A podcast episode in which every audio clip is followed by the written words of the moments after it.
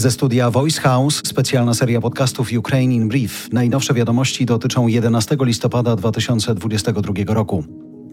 Hersoń został wyzwolony przez armię Ukrainy. To już oficjalna wiadomość. Wywiad Ukrainy apeluje do Rosjan, którzy zostali w Chersoniu, poddajcie się. Niektóre informacje sugerują, że część żołnierzy mogła przebrać się w cywilne ubrania, ale dalej mogą być uzbrojeni. W przypadku dobrowolnego poddania się Ukraina gwarantuje wam przetrwanie i bezpieczeństwo. Przestrzegamy konwencji genewskich. Gwarantujemy jeńcom żywność, opiekę medyczną i możliwość wymiany na żołnierzy sił zbrojnych Ukrainy przebywających teraz w niewoli w Federacji Rosyjskiej, informuje ukraiński wywiad wojskowy. Według Rosji 30 tysięcy żołnierzy zostało wycofanych z Hersonia na wschodni brzeg Dniepru.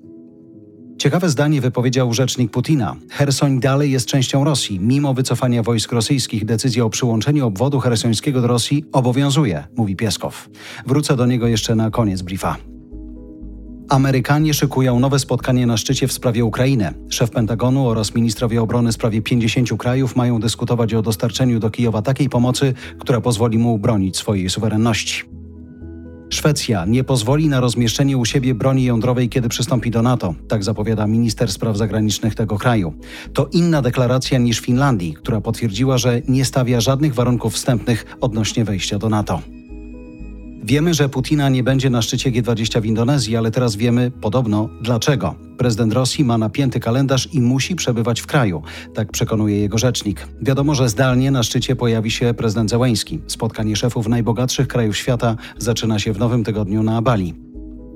Prezydent Zełęński po polsku złożył życzenia z okazji Dnia Niepodległości. Użył 104 słów na 104. rocznicę. Kochana Polsko, Twoja odzyskana niepodległość ma dziś 104 lata.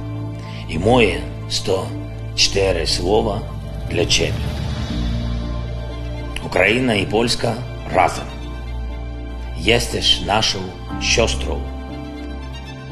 Różnie było między nami, ale jesteśmy krewnymi. Jesteśmy wolni.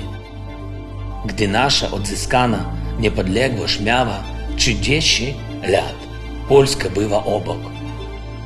Pamiętam nasze wspólne szczęście, radowaliśmy się razem.